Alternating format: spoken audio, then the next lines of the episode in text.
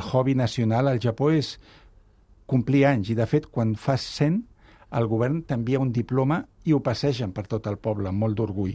Llavors, per ells, arribar als 100 és una fita, és un desig que tenen com, com que t'has doctorat en la vida. No? Els japonesos, almenys els Okinawa, s'entrenen molt per complir els 100 anys i després es deixen anar una mica. Llavors els hi comença a fallar la memòria. O sigui que per ells és tan important fer 100 anys que després potser relaxen una mica el que és la seva tasca diària. I visitant l'asil, on havia una quinzena de persones que ja necessitaven tenir infermers i infermeres que estiguessin per ells, els visitaven alguns dels centenaris que encara estaven en bona forma. Jo vaig assistir amb l'Hèctor, que m'ho va traduir, a una conversa, no sé si era la mateixa Yukiko, o una persona de 99 anys estava renyant un home de cent i poc que va dir, ho veus, ja et vaig dir que no tanquessis el magatzem de fruita, perquè quan el tenies, tu feies comptes i tenies el cap en marxa. Ho vas deixar de fer i ara et trobes aquí que no vals per res, no?